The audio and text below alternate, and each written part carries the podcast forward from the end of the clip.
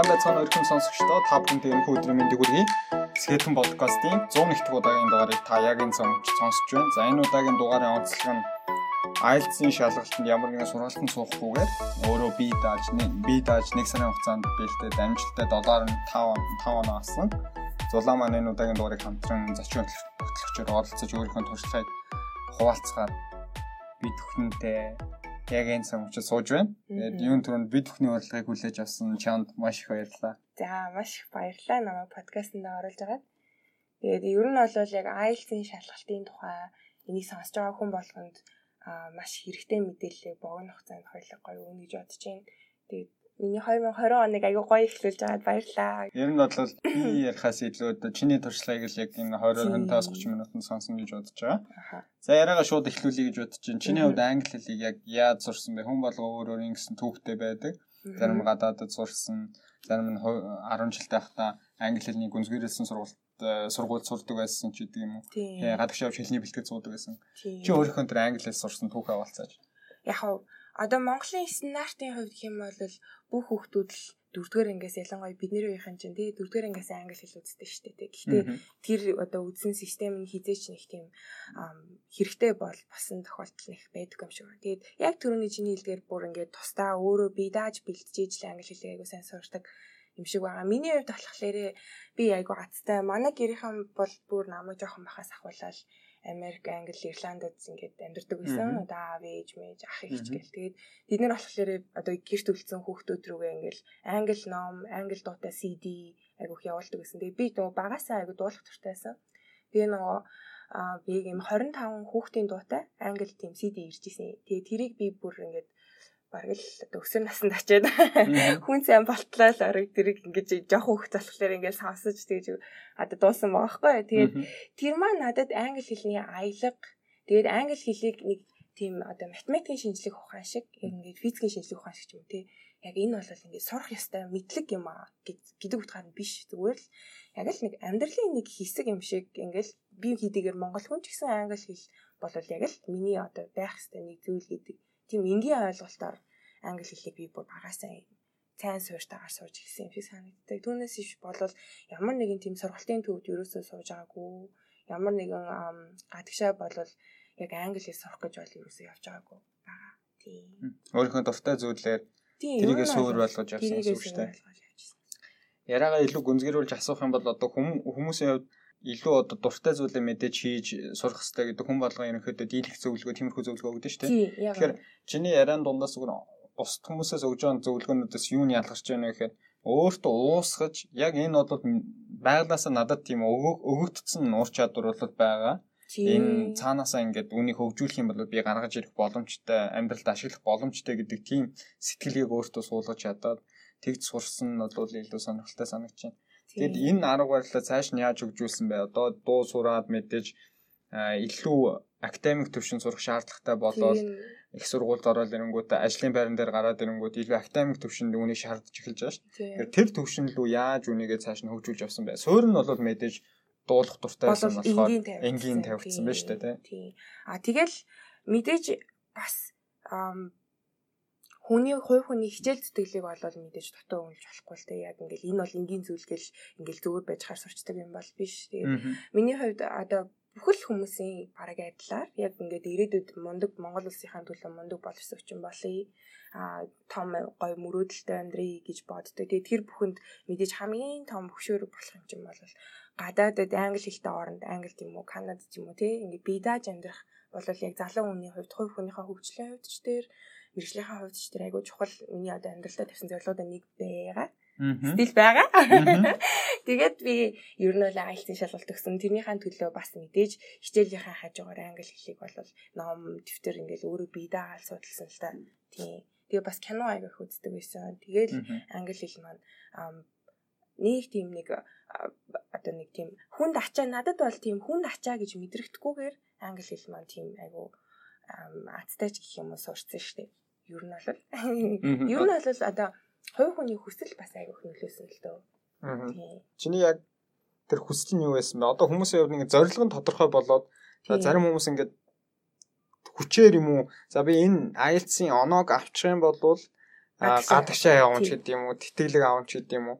Тийм биш. Нөгөө зорилго нь бас магадгүй арай өөр байвал хүмүүс илүү түлхүү түнийг сурдаг юм шиг санагдаад байхгүй. Илүү өөртөө нөгөө чиний хэлсэн чинь уусгах зурна гэдэг чинь. Магадгүй зарим хүмүүс одоо гадаад хүнд дурлалсан ч юм уу тийм байж болно. Зарим нь бол нөгөө цаа зорилго нь гадаад хүмүүстэй ингээд ярьж үзэх ч уу. Тэгэх юм бол нөгөө хүрээлэлээ тэлэх, илүү өргөн хүрээний мэдээлэл авах ч гэдэг юм уу. Амьдралынхан тэр зорилгууд нь илүү өргөн байгаад зөвхөн сургуульд гадагшаа явж сурах биш. Тэрүүгээр хязгаарлахгүй болчингууд өөрт нь нуруунд дээр нь харьцангуй ачаан баг дуртай өдөр болгон баг багаар ингээд сураад байдаг юм шиг.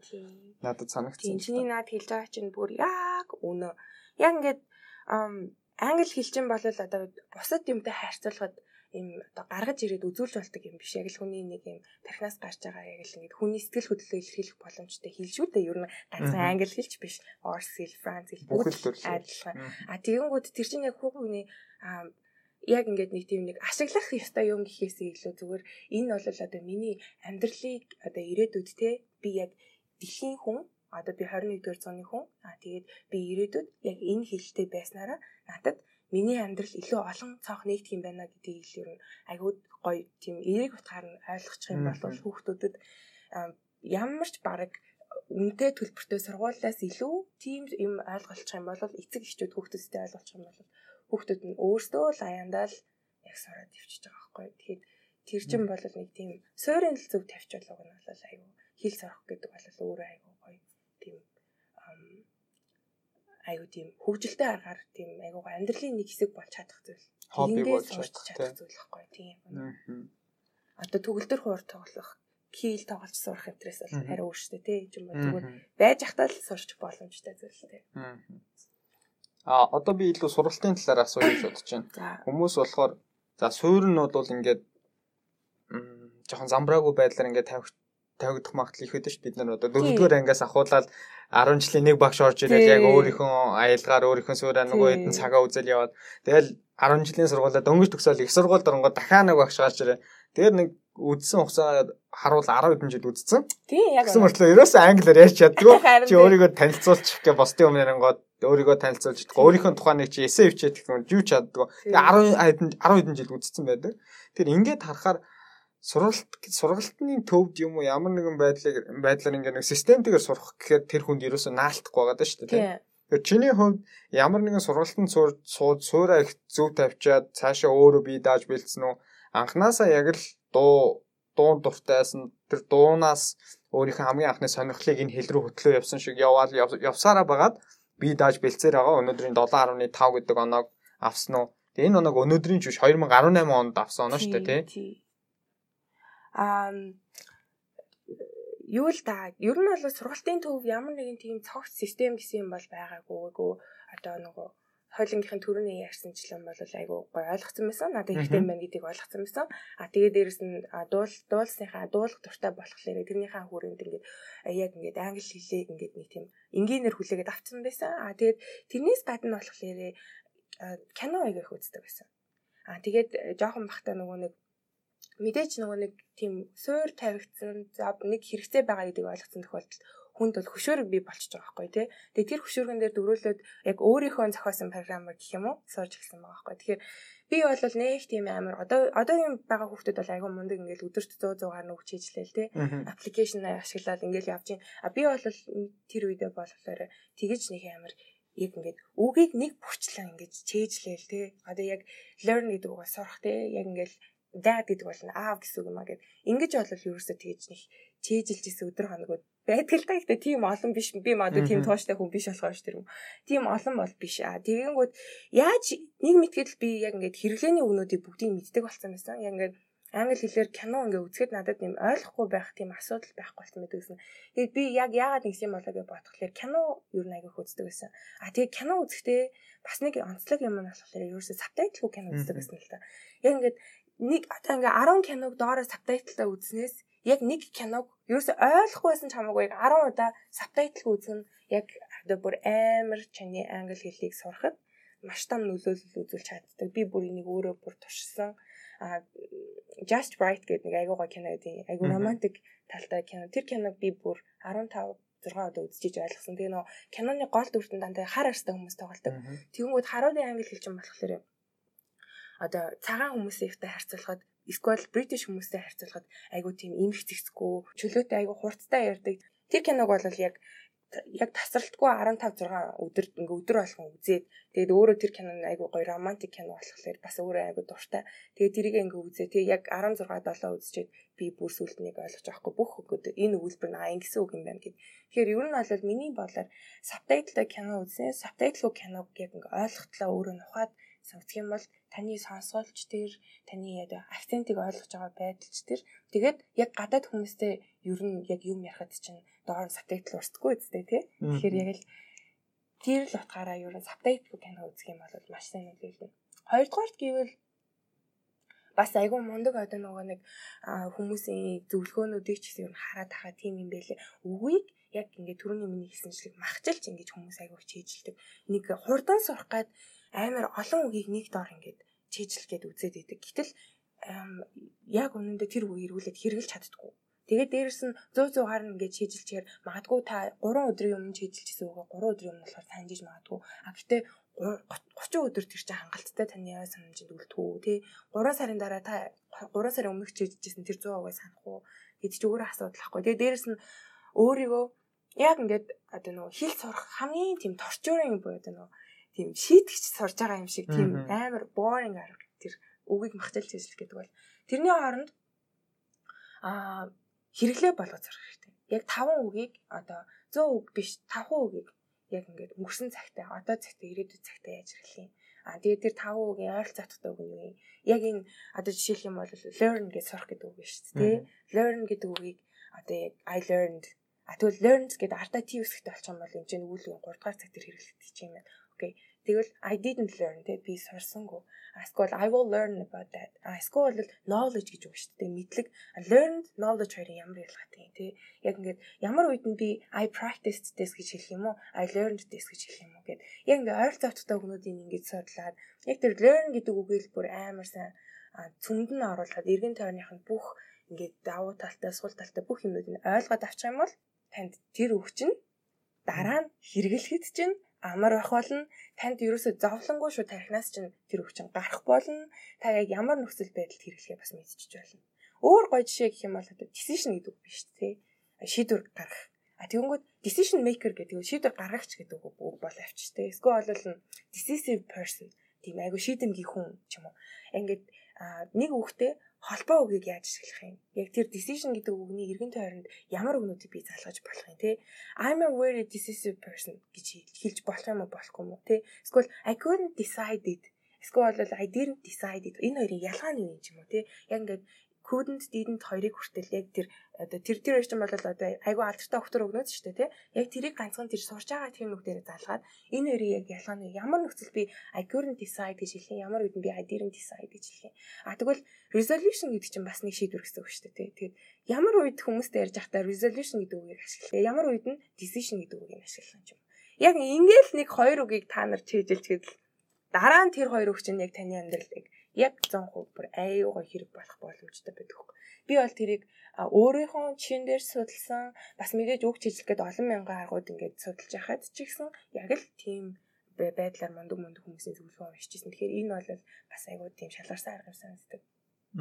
Түүнээс иш болвол одоо тий энийг сонсож байгаа хүмүүст хэлэхэд яг үннийг хэлэхэд таны одоо 200 үг үнэхээр чийжлээд саасан дээр тэрийг 2000 удаа шивж бичээд тэгээд тэрийгээ та эцэст 2 минутын турш ингээд ярьж чадахгүй болвол тэр чинь танд ямар ч хэрэггүй зүгээр харин цагийн гар захгүй. Тэгээ дээрэс нь өөрөө өөртөө ийм онцгүй ийм уйтгартай аргаар юмыг сурах гэж оролдохоор тэрэндээ ингээд удаан хугацааны турш дууштай байхад айгүй хэцүү болоо явчихдаг. Тэгэл хүмүүсийг ингээд дахин дахин одоо тий за нэг сарын нэгнээс эхлэе. За даваа гарагаас эхлэе. За эх сарын нэгнээс эхлэе гэдэг зорилготой хойшлуулаад байдаг юм шиг санагдсан. Тэгэхээр айгүй юмыг айгүй энгийнээр л өдөр тутмын амьдралын нэг хвшил болгоол гоё habit болгоод явчих юм бол айгүй хурдан би айгүй тийм гоё чистнээ сайжрах боломжтой гэж бодож байна. Тэгэж л ер нь англи хэлийг сурсан шүү дээ. Түүнээс иш болол одоо to be-гийн ing те continuous word present simple цаг present perfect simple цаг те тэр нь яг юу юм ингээл тэдний ялгааг нь ингээл монгол хэлээр тайлбарснуудыг өдөр шөнөгүй чийжлэл тэр бол нэг тийм хэрэгтэй юм ээ. Хэрэгтэй юм бол биш ч амар олон багш нарыг ёо ёо зааж байгаа юм нэгчлээ. Тэр би би нэг амар юм мэддэгтэй хэлж чи зүгээр миний сурсан аргаар бол тэр надад тийм амар сайн туслаагүй. Тийм. Өмнөх дугаар дээр Отхон баяр бас яг ийм зүйл ярьж байсан. Ер нь өдөр 100 юм уу 50 өгч ажилтдаг тийм потенциалтай хүмүүс байгалах л да тэр хүмүүс өгж байгаа үүсгэж байгаа юм биш. А Отхон баярын хувьд гадаад тэтгэлэг аваа сурахтаа бас өдөрт юм уу 5 юм уу 3 үгийг яг тултал ч ажилтдаг гэсэн гэж байна. Тэгэл болоо. Тэрийг л дараа нь 100 хоногийн дараа эргээгээд нөгөө үгээ дэвтэр дээрээс харалгүй л тэр хүн шууд дотроосоо шууд гадаад хүнтэй ярьж хахад өөрийн мэдлгүй гаргаж ярьдаг хэмжээнд л тэр үгийг чийддэг. Тэгэхээр яг л чиний ярахтаа бол би 100% санал нэг чинь бас өөр хүмүүс юу гэж зөвлөжсэн бэ гэхээр тэр 5 үгээ чийжлэхдээ тултан тултан чийжлэхдээ үг биш өгүүлбэр чийжл гэдэг юм байлаа. Тий яа. Тэгэл тэнгуүч одоо нэг үгийн ингээд үзэнгүүт тэр үг чи өөр маш олон сууртай байгаа шүү дээ тий. Тэр нэг үгнээс чинь одоо жишээ нь суур үг байхад тэр үгнээс ингээл ард нь янз бүрийн октоорууд ингээд салаалангууч баг нэг үг чийжлэхдээ би 5 6 үг чийжлэх тийм боломжтой байдаг. Тэгээ өгүүлбэрт оруулчингууд тэр одоо дикшнерийг харангууд тэр чи хамгийн боломжтой хамгийн сайн өгүүлбэрийг оруулсан баа шүү дээ алдаагүй. Тэнгүүд аа decision гэдэг үгийг ийм тохиолдолд ашиглаж байгаа юм байна тий. Тэгээд өгүүлбэрийг би чийдэлсэн юм чинь дараа нь хүнтэй ярихдаа маргааш нь яриад одоо найз нөхөдтэй юм уу? Аль болох бүр гадаад найзтай бол бүрсэн нөгөө найзуудаа ирээд ярьдаг ярьдаг гэж хэлжсэн байхгүй давтаж хэлдэг те тэгээ нөгөөдөөс нөгөө чийлсэн өгүүлбэр асуудаг. Тэр 3 өдөр дараалал нөгөө үгээ дахин дахин гадаад хүн найзууд донд ашиглчихгод дөрөв дэх хоногоос өөрийн мэдлэг нөгөө хэглээ болоо сурчдаг. бусдаар би одоо шинэ үгийн дэвтэр гээл байдаг л да юм тэрнээс ч хэдэн зуун үзсэн шүү дээ? 1000 гаруй Гэл нөгөөдгийн надаас баг хамгийн ихний нүрэндээс нэг хүн надаас асуувал би өнөөдөр мэдэхгүй. Тэгмэд би зүгээр бичээл тэр өдөр 3 хоног биччихэл цаашаа талт хийцэн. Тэгэхээр хэрэглээ байхгүй болохоор мартагддаг. Тэгэхээр аль болох өгүүлбэрээ энэ чэйжлээрэ гэж хүмүүс бас зөвлөдөг юм байлаа. За одоо ойлаа тэгвэл IELTS-ийн шалгалт руу орё гэж бодож байна. 7.5 оноотой хүнээс энэ IELTS-ийн шалгалт шалгалт гэж юу юм бэ? Магадгүй анх удаа сонсож байгаа юм өмнө зүгээр сонсоод өнгөрч байсан хүмүүстэй ерөнхий мэдээлэл үргэе гэвэл. За IELTS-ийн шалгалт гэдэг нь болохоор ер нь бол яг international төвшөнд таны яг англи хэлний мэдлийн төвшинг албан ёсны байдлаар тодорхойлоод тэгээд тэр чинь олон улсад сургуульд явна уу? Эсвэл бол ажил хийхээр явна уу? Эсвэл бол визний ярьсанд ороход хүртэл одоо IELTS-ийн шалгалт гэсэн шалгуур тавиад Тэгээ тэрийг олон ус хүлээн зөвшөөрдөг болсон тийм шалгалт аамаа. IELTS-ийн шалгалтын талаар одоо баг мэдгүй юм байхгүй болов уу дээ. Ялангуяа танаа подкастыг сонсдог хүмүүс донд бол тий. А IELTS-ийн шалгалт нь миний зөв хүмүүсийн мэдгүй байж магадгүй гэж бодож байгаа point бол general IELTS болон academic IELTS гэж хоёр төрлийн IELTS-ийн шалгалт байдаг. А general IELTS нь болохоор хүн яг одоо гадагшаа явж томилолтоор ажиллах ч юм уу тий эсвэл бол тодорхой хугацаанд 2-оос 3 сарын хугацаанд өөрийнхөө мэрэгжлийн хүрээнд туршлага солилцоход өөрийн байгууллагууд руу явах тохиолдолд эсвэл бол надад визэнд орох тохиолдолд Канада юм уу Австралийн визэнд орох тохиолдолд IELTS-ын general төвшний IELTS-ийн шалгалтны оноод танаас шаарддаг. А энэ тохиолдолд та яг илүү хэрэглээ талаасаа өөрийнхөө англи хэлний мэдлийг ер нь бол шалгаж шалгалтын загвар нь яг тийм байдлаар зохион байгуулагдсан гэдгийг ажлын хүрээнд хэрэглээ талаасаа professional англи талаасаа ингэж зохион байгуулагдсан байдаг. А нөгөө тал нь болохоор academic англи шалгалт гэж байна. Энэ бол болохоор generalтай харьцуулах юм бол харьцангуй олон хүмүүс өгдөг юм лээ. А тэгээд бас нөгөө 90 тойрон тэр academic англи оноотой болсноороо танд нэгдэх боломжууд нь бас нөгөө түнтэйгээр харьцуулахад харьцангуй их байд юм лээ. Өөрөөр хэлэх юм бол одоо гадаад сургууль сурах гэж явж байгаа хүмүүсийн бол хамгийн нэгдүгürt өгдөг шалгалт байгаа. А тэгээд тэрнээсээ гадна та гадаашаа ажиллаар явъя, амьдрий гэж явсан ч гэсэн академик шалгалттай байхад бол таны яг генералтай байгаа юм шиг хүлээн зөвшөөрдөг гэсэн. Тэгэхээр юу нь бол хар ухаанаар хэлвэл академик IELTS-ийн шалгалт нь генералаас харьцангуй хэцүү. Одоо илүү мэрэгжлийн түвшний одоо шинжлэх ухаан, жинүү, технологи, бизнес, байгаль орчинтой холбоотой тийм мэдээллүүдийг ингэж нэгтгэж шалгалтынхаа бүтцийг зохион байгуулсан байт юм лээ. Тийм тийм хоёр ялгаатай хоёр төрлийн шалгалт байдаг. Тэгээд Монгол болохоор 18 онд ганцхан ESP центр IELTS-ийн шалгалтыг авдаг байсан. Одоо болохоор JET центр бас авдаг болсон юм билээ. Би өнөөдөр өглөө асуусан. Тэгээд ер нь бол жил болгоно тухайн жилийнхаа валютын хашнаас шалтгаалаад IELTS-ийн шалгалтын үн төлбөр нь бол янз бүр идэг. Энэ жилийнх бол 581 мянга лээ. 20 оных тийм өнгөрсөн жил болохоор 576 гэсэн санагдчих. 5000-аар нэмэгдсэн баг шиг лээ. Ер нь бол жоохон үнэтэй төлбөртэй шалгалт. Гэхдээ it. Тийм та нэг энэ шалгалтыг өгснөөрөө бол цаашаага айгүй олон гой гой боломжуудыг өөртөө нээх боломжтой. Тийм. За IELTS-ын шалгалтанд 7.5 оноо авсан. Энэ болохоор хэдийн хугацааны төвшөнд яг IELTS зориулж бэлдсэн хугацааны дараа энэ оноог авсан бай. Үүнийг илүү дэлгэрүүлж ярил.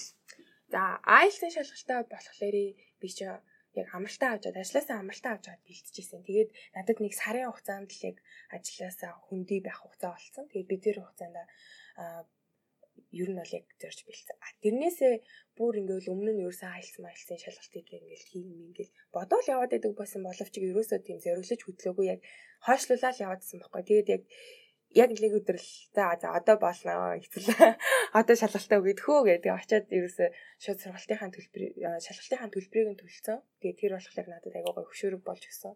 А тэгээд дээрэс нь ажилласаа бүр ингээд тухайн жил жилтжин болол одоо би 15 хоног амралт авах хэрэгтэй гэдэг байхгүй тий. Тэр бүх амралтаа аваа дээрэс нь цалингуу чөлөөг аваад яг өөртөө нэг сарын хугацаа гаргасан. Тэгээ миний хувьд бол тухайн үед би аягүй л их юмыг залиасалж гаргаж ийл гэж бодсон. Хэрвээ би муу наавч би амар их юм жоох залиасалчлаа л гэж бодож байсан. Тэгээд ийм байсан болохоор өөрөө өөртөө нэгдүгээр тийм хөшөөрөг өгсөн. Хоёрдугаар гэвэл бас удаан хугацаанд хойшлуулад яваад хахаар хизэж зориг бүтдэггүй. Тэрийг бол мэдэн тийм болохоор яг зориглол бэлтэж эхэлсэн дээ. Тэгээд айлзын шалгалт өгөхөөс өмнө би Одоо яг тэр сарынхаа хамгийн дэ номер 1 те эхний хамгийн эхний өдрөө мок тест гэж ütсэн байхгүй. Тэгээ мок тестэн дээрээ 6 оноо авчихсан. 6 оноо гэдэг нь болохоор би 2 төвшний би upper intermediate төвшний хүний авах хэвээр оноо юм бэлээ л дээ. Тэгээд ерөөсөө ямар ч хэдэ бэлтгэлгүйгээр 6 оноо авсан. Тэгээ би өөрийгөө яг upper intermediate төвшнийх байсан. Угсаа их сургууль тахтаа тийм төвшин байсан. Тэгээд яг тэр төвшөндөө хэвээр хаан байна гэдгийг ойлгосон. Тэгээд зорж исэн оноо маань болохоор яг 8.5 байсан. IELTS хамгийн дээд нь 9 оноотой шалгалт байхгүй юу? Тэгэл угаасаа өндөр багныг тэ онолж зорих юм бол тэрнийхэн талтан чамаагүй буудаг гэдэг шүү дээ. Тийм болохоор яг 9 оноо гэхээр үлгэр юм сонсдог 8.5 гэж зарцсан. Тэгээд 7.5 оноос. Тэгээд шалгалтынхаа бүр дараа нь ингээд хүмүүсээ ер нь энэ талаар ярилцаад одоо хүүхдүүдээс ингээд айлцын талаар шалгалтын талаар ингээд хүүхдүүд зөвлөгөө мөлөө гэж яхад яг нэг сарын дотор 1.5 point ахиулна гэдэг бол бүр амар тийм одоо ховорч гэх юм уу хүмүүс тийм ойлголт авих байдаг юм лээ. Яг энэ бол вау бүр ямар мундаг юм бэ гэж хүмүүс айгу хүлээж авсан. Тэг миний бодлоор бол би ерөөсөө тэгж бодохгүй байна. Яг тэгэхээр энэ бол боломжтой би өөрөө хийцэн. Аа мэдээж айгу их хүчин чармаал гарсан уу гэвэл гарсан. Дундуур нь сэтгэлээр унах өдрүүд айгу гарсан уу гэвэл гарсан. Гэтэл яг юмаа сайн бэлдээл хахад ер нь боломжтой юм байлээ. Тэгээ нөгөө сургалтын төвийн багш нар ч юм болохоор яг ингээд 0.5 point-ийг чи одоо байгаа төвшнөөс 0.5 оноо дээшлүүлэхэд чамд ингээ хагас жил шаардлагатай гэж хүүхдүүдтэй заадаг юм билээ. Тэгээ тийм юм хэрэг би шалгалтынхаа өмнө магадгүй сонссон байсан бол хизээч өөрийгөө 7.5 авч авч чадах байсан гэж бол бодохгүй байна. Тэгэхээр ер нь бол хүндлэнгийн тийм хүмүүсийн ийм нэг сөрөг комментуудыг сонсоогүй шууд өөрөө борд зурхаарыг бэлтгэсэн нь болохоор бас айгууд надад тусалсан болов гэж боддөө штэ. Тийм. Нэг сарын хугацаанд тэр бэлдсэн тактик болон ямар хуу зарчмаар бэлдсэн бас ашиглаж ясан ном гэдэг юм уу. Яг л өөрөө би дааж үлдсэн биш ямар нэгэн сургалтанд нэг сар суугаагүй. Тэгэхээр яг тэр бэлдсэн нэг сарынхаа өөрийнхөө аргачлалыг хүмүүс товч бөгөөд энгийн үгээр тайлбарлая гэвэл. За тий. Ам одоо ингээд зөвлөгөөнүүдийг сонсоод тахаар за ингээл IELTS-ийн одоо тий reading хэсэг дээр унших хэсэг дээр жишээлх юм бол National Geography сэтгүүл дээр байдаг. А тэр тэр тэр сэтгүүлээс одоо жишээлх юм бол байгаль орчны чиглэлийн эсэнүүд нь одоо тэр том том фейзүүд одоо том том өгүүлбэрүүд нь тэр одоо шалгалтын дээр тэр сэтгүүлээс орж ирдэг. Эсвэл BBC, CNN үзм үзгэл агүй олон тийм академик төвшний тийм агүй олон зөвлөгөөнүүд байдаг. Та нар энийг Google дээр ер нь ямар source-аас гарсан тийм зөвлөгөөнд аявих. Тэгээ надад хугацаа маш бага байсан болохоор би ерөөсөө тэгэж одоо нөгөө нэг BBC мэдээ ингээл үзэл хар ингээл бүр ингээл бараа юм манам дундаас ингээл за BBC-ийн мэдээ орж ирж магадгүй үзэх тийм цаг ерөөсөө байгаагүй л дээ. Тэгээ миний хийсэн юм болохоор айгүй ингээ ерөөсөө л яг Cambridge-ийн өөрсдийнх нь гаргадаг тестийн номнууд гэж байдаг. Тэгээ тэр тестэн дээр болохоор яг general төвшний дөрвөн тест академик төвшний дөрвөн тест нийлээд 8 тесттэй. Тэгээд яг юм 12 цоврал ном байдаг. Тэгээд тэр номнуудаас би ганцхан академик төвсний төвшнийхэн тестүүдийг ингээд дөрөв дөрөв тест гэхээр нийтдээ 12 номоос 96. Тэ 96 4 Тийм шүү дээ 96. Сүүлд гэхдээ Кембриж 13 14 гарсан уу? Гарсан гарсан баг тий одоо. 18 онд л 12. Тухайн үед бол чиний бэлдэж хахад 12 хүртэл. За 96 тест. Тийм 96 тест байсан байхгүй юу? Тийм 8 тест байдсан. Тэгээд тэгэнгүүт Тэрийг болол бэлдсэн. Аа тэгтээ яг энэ нэг сарынхаа ихэнх үедээ болохоор өдөрт хоёр тест бэлдээл. Яа тэгэхээр тэр чинь нэг тест нь одоо reading дээр гэхэд ганцхан хүн нэг цаг зарцуулдаг. Аа тэгээд дээрээс нь listening дээр хүн 40 минут зарцуулдаг. Speaking дээр хүн 40 минут, writing дээр ингээд бас нэг цаг гэхээр ингээд нэг хөөхөн 3 4 цагийн нэг тест хийж тусгаад 3 4 цаг зарцуулагддаг байхгүй юу? Тэгэхээр эхэндээ болохоор би яг өдөрт ингээл хоёр тестэлчүүдээ одоо хийж дуусгаал. Тэгээ хажуугаар нь IELTS-ийн Cambridge-ийн бас хэвлэж гарсан нэг цагаан өнгөтэй ном байдیں۔ Ийм 100 300 эдэн хуудастай. Тэгээ тэр номон дээр болохоор яг л одоо тэр дөрвөн одоо унших, ярих, сонсох, бичих гэсэн тэр дөрвөн скилийн хүрээнд а хүн яг яаж IELTS-ийн шалгалтын дээр ямар стратегтэй бэлдэх юм бол тэр шалгалтыг ер нь илүү сайн ойлгож чадах юм бэ гэсэн утгатай л тийм ном байдیں۔ Тийм цагаан өнгөтэй. Тэр нь болохоор ер нь би одоо яг сайн нэрээ санахгүй байна. Sorry. Гэхдээ яг Google дээр үзэх юм бол нэг тийм цагаан өнгөтэй ном угаасаа ойлгомжтой байдаг. Тэгээд тэр номыг банц үтсэн. Тэгээд тэр тестүүдийг хийсэн. Тэгээд ер нь бол болоод байгаа гэж. Тэгээд нэг сар бэлдсэн. Тэгэж нэг сар. Угаасаа нэг сар тэр бол 96 тесттэй гэхдээ бүгдийг дуусгасан байна тийм. А тэр чинь тэгэл хамгийн том амжилт. Тэр чинь бол айгүй том амжилт байсан. Тэгээд тэрийг бэлдэж дуусаад тэр номыг бэлдэж дуусаад тэгээ мэдээж хажуугаар нь засар заагаар нь YouTube-ээс ганц нэг зөвлөгөө мөглөө хүмүүс яаж исэн оноо авсан юм асан ингээд тиймэрхүү зөвлөгөөнүүдийг сонсон л доо. Тийм тийж авчихсан. За одоо хамгийн том хүчин зүйл бол тухайн өдрийн шалгалт өгөх сэтгэл зүй Тэгээд маш одоо жишээ нь одоо ингээд сүүлийн үед миний эргэн тойронд байгаа маш олон хүмүүс IELTS-ийн шалгалт өгж байна л та. Тэгээд миний нөгөө төсөөлж исэн англи хэлдээ сайн гэж бодож исэн хүмүүс баг оноо авсан баг жишээ нэ. Тэгэд хангалттай нөгөө хэрэглээний төвшин сайн биш байсан хүн өндөр оноо авчдаг. Тэрийн цаана тактик байгаад байх шиг байна. Бас сэтгэл зүй байгаад байх шиг байна. Энэ тал дээр одоо яг ингээд даваад туулаад гарсан хүний хөв зөвлөгөө хүмүүст өгье гэвэл Аа наадах чинь бол бүр яг хүмүүст яг хэлмээр санагддаг. Яа тэгэхээр тэр шалгалтыг та ингээд өгөх гээд үзгээр одоо ESP дээр би ч илүү өөрөө очиж исэн газар дээр очиж жишээ авъя л да. Тэгээ жет дээр ямар гэдэг мэдгүй ийм айгүй том биеийн тамирын заал байдаг. Тэр заалын дотор одоо 300-аас 400 хүн яг нэг зэрэг ийм жижигэн жижигэн кубик дотор суугаа шалгалтаа өгдөг байхгүй. Тэгээд тэр шалгалтыг ингээ өгж явахад та ингээд бүртгэлэх бүртгэх ингээд үе шатаас нь ахуулаад айгүй олон хүмүүсийн дунд ингээд та ингээд ороод явна л гэсэн үг шүү дээ. Яг тэр шалгалтыг ганцаараа гэртээ бэлдэж бэлдэж байгаа л очихоор тэр сэтгэл зүй бол айгүй жоохон цохилт болж ирт юм лээ. Тэгэхээр хэрвээ та одоо ингээд 25-аас дээш настай те. Тэгэл ийм ажил хийж байгаа л хөрхөн хэвлэлийн төвшний өгнөдөө бэлдээл бор зэрэг бэлдээл начиг ингээл очсон бол тэнд байгаа бүх хүн бараг тань 80% танаас жоохон залуу хүн жоох хүүхдүүд байна нэгдүгээрт хоёрдугаар тэр хүмүүс хоорондоо ингээд англи хэлээр ингээд таны хажууд ингээд ярилцсан. Тэгээ дээрэс нь одоо Монголд амьдардаг Орос, Япон, Канад, Хятад, Метад хүмүүс бүгдээрээ Монголын энэ айлын шалгалтыг бас өгдөг. Тэгээ тэр хүмүүс ч мэдээж хоорондоо англи хэлсэн. Ер нь тийм айгүй интернэшнл орчинд та ингээд яваад орчих гэсэн.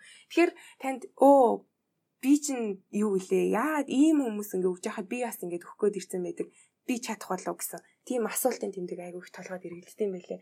Энэ бол гэхдээ айдас гэдэг бол өөрөө яг та тэр юм хийчих юм бол амар худлаа хийсвэр зүйл байдаг юм байна гэдгийг та ойлгосон бол тийм асуултын тэмдэглэнд ямар нэгэн байдлаар толгоо эргүүлэлгүйгээр тэр шалгалтыг зүгээр л яг айгүй сайн төвлөрөөд өгөх хэрэгтэй юм байлаа шүү. Тим цохилт бол ирдэг гэдгийг хүмүүс мэдтгүүгээр шууд орчдөг.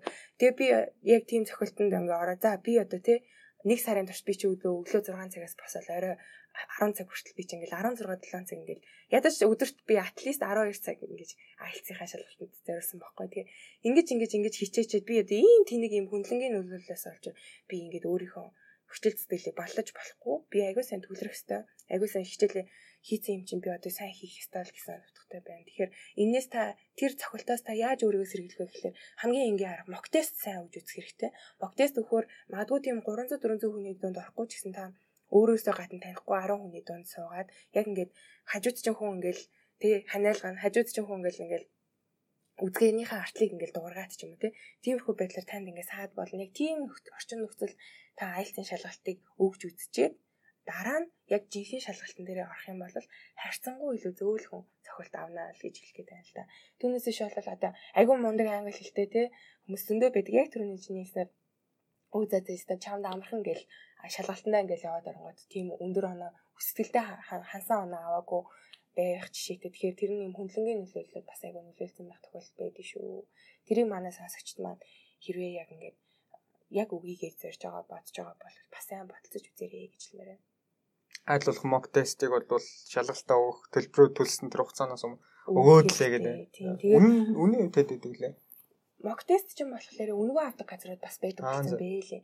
А гэтээ зарим нэг газрууд болохоор ер нь дунджаар 20 мянга, 10 мянга, 15 мянга гэл байж тийм лээ. Тэгээд Жишээ нь болохоор 7 хоног болон хасаан бүтэнсээ өдөр зохион байгуулагддаг газрууд ч байдаг. Ер нь судлаа нь бол айгүй боломж айгүй ихтэй. Огтээс нөх. Давтамжтай байн байгаагүй тэр айдсыг л өөрөөсөө бий болох айдсыг л даван туулах нэг бэлтгэл болж өгөх юм байна л да. Бэлтгэл болж өгнө. Тэгээд дээрэс нь мэдээж өөрөө сайн бэлтээрээ. Тэгээд дээрэс нь мэдээж өөрөө сайн бэлтгэлээ хангах хэрэгтэй. Тэгэх юм бол ягаад ч цаанаасаа л ингээд өөртөө ихтэй байж чаднаа. Тий. Аа. За тэгвэл одоо ярианыхаа төгсгөл Ер нь англи хэл сурна гэдэг бол мэдээж Викторийн хамгийн ихний ярианы ярианд хэлсэн. Зорилго ер нь яагаад сурах гээд байгаа юм те? Сурснараа ямар ямар боломжууд хэлхийн нээгдэхийн чиний хэлсэн шиг маш олон цонх бид нарт дэлхийн тавцанд нээгдэнэ гэдэг бол а алсын бидний одоо том хараа байгаа шүү дээ. Тэгэхээр одоо магадгүй нэг хүн за чи жилийн дотор англи хэлийг огт англи хэл мэддгүй хүнд чи англи хэлийг жилийн дотор сурч сурах юм бол би чам 5 сая доллар өгөх юм бол тэр хүн бол сурч чинь яаж хийж байгаа те?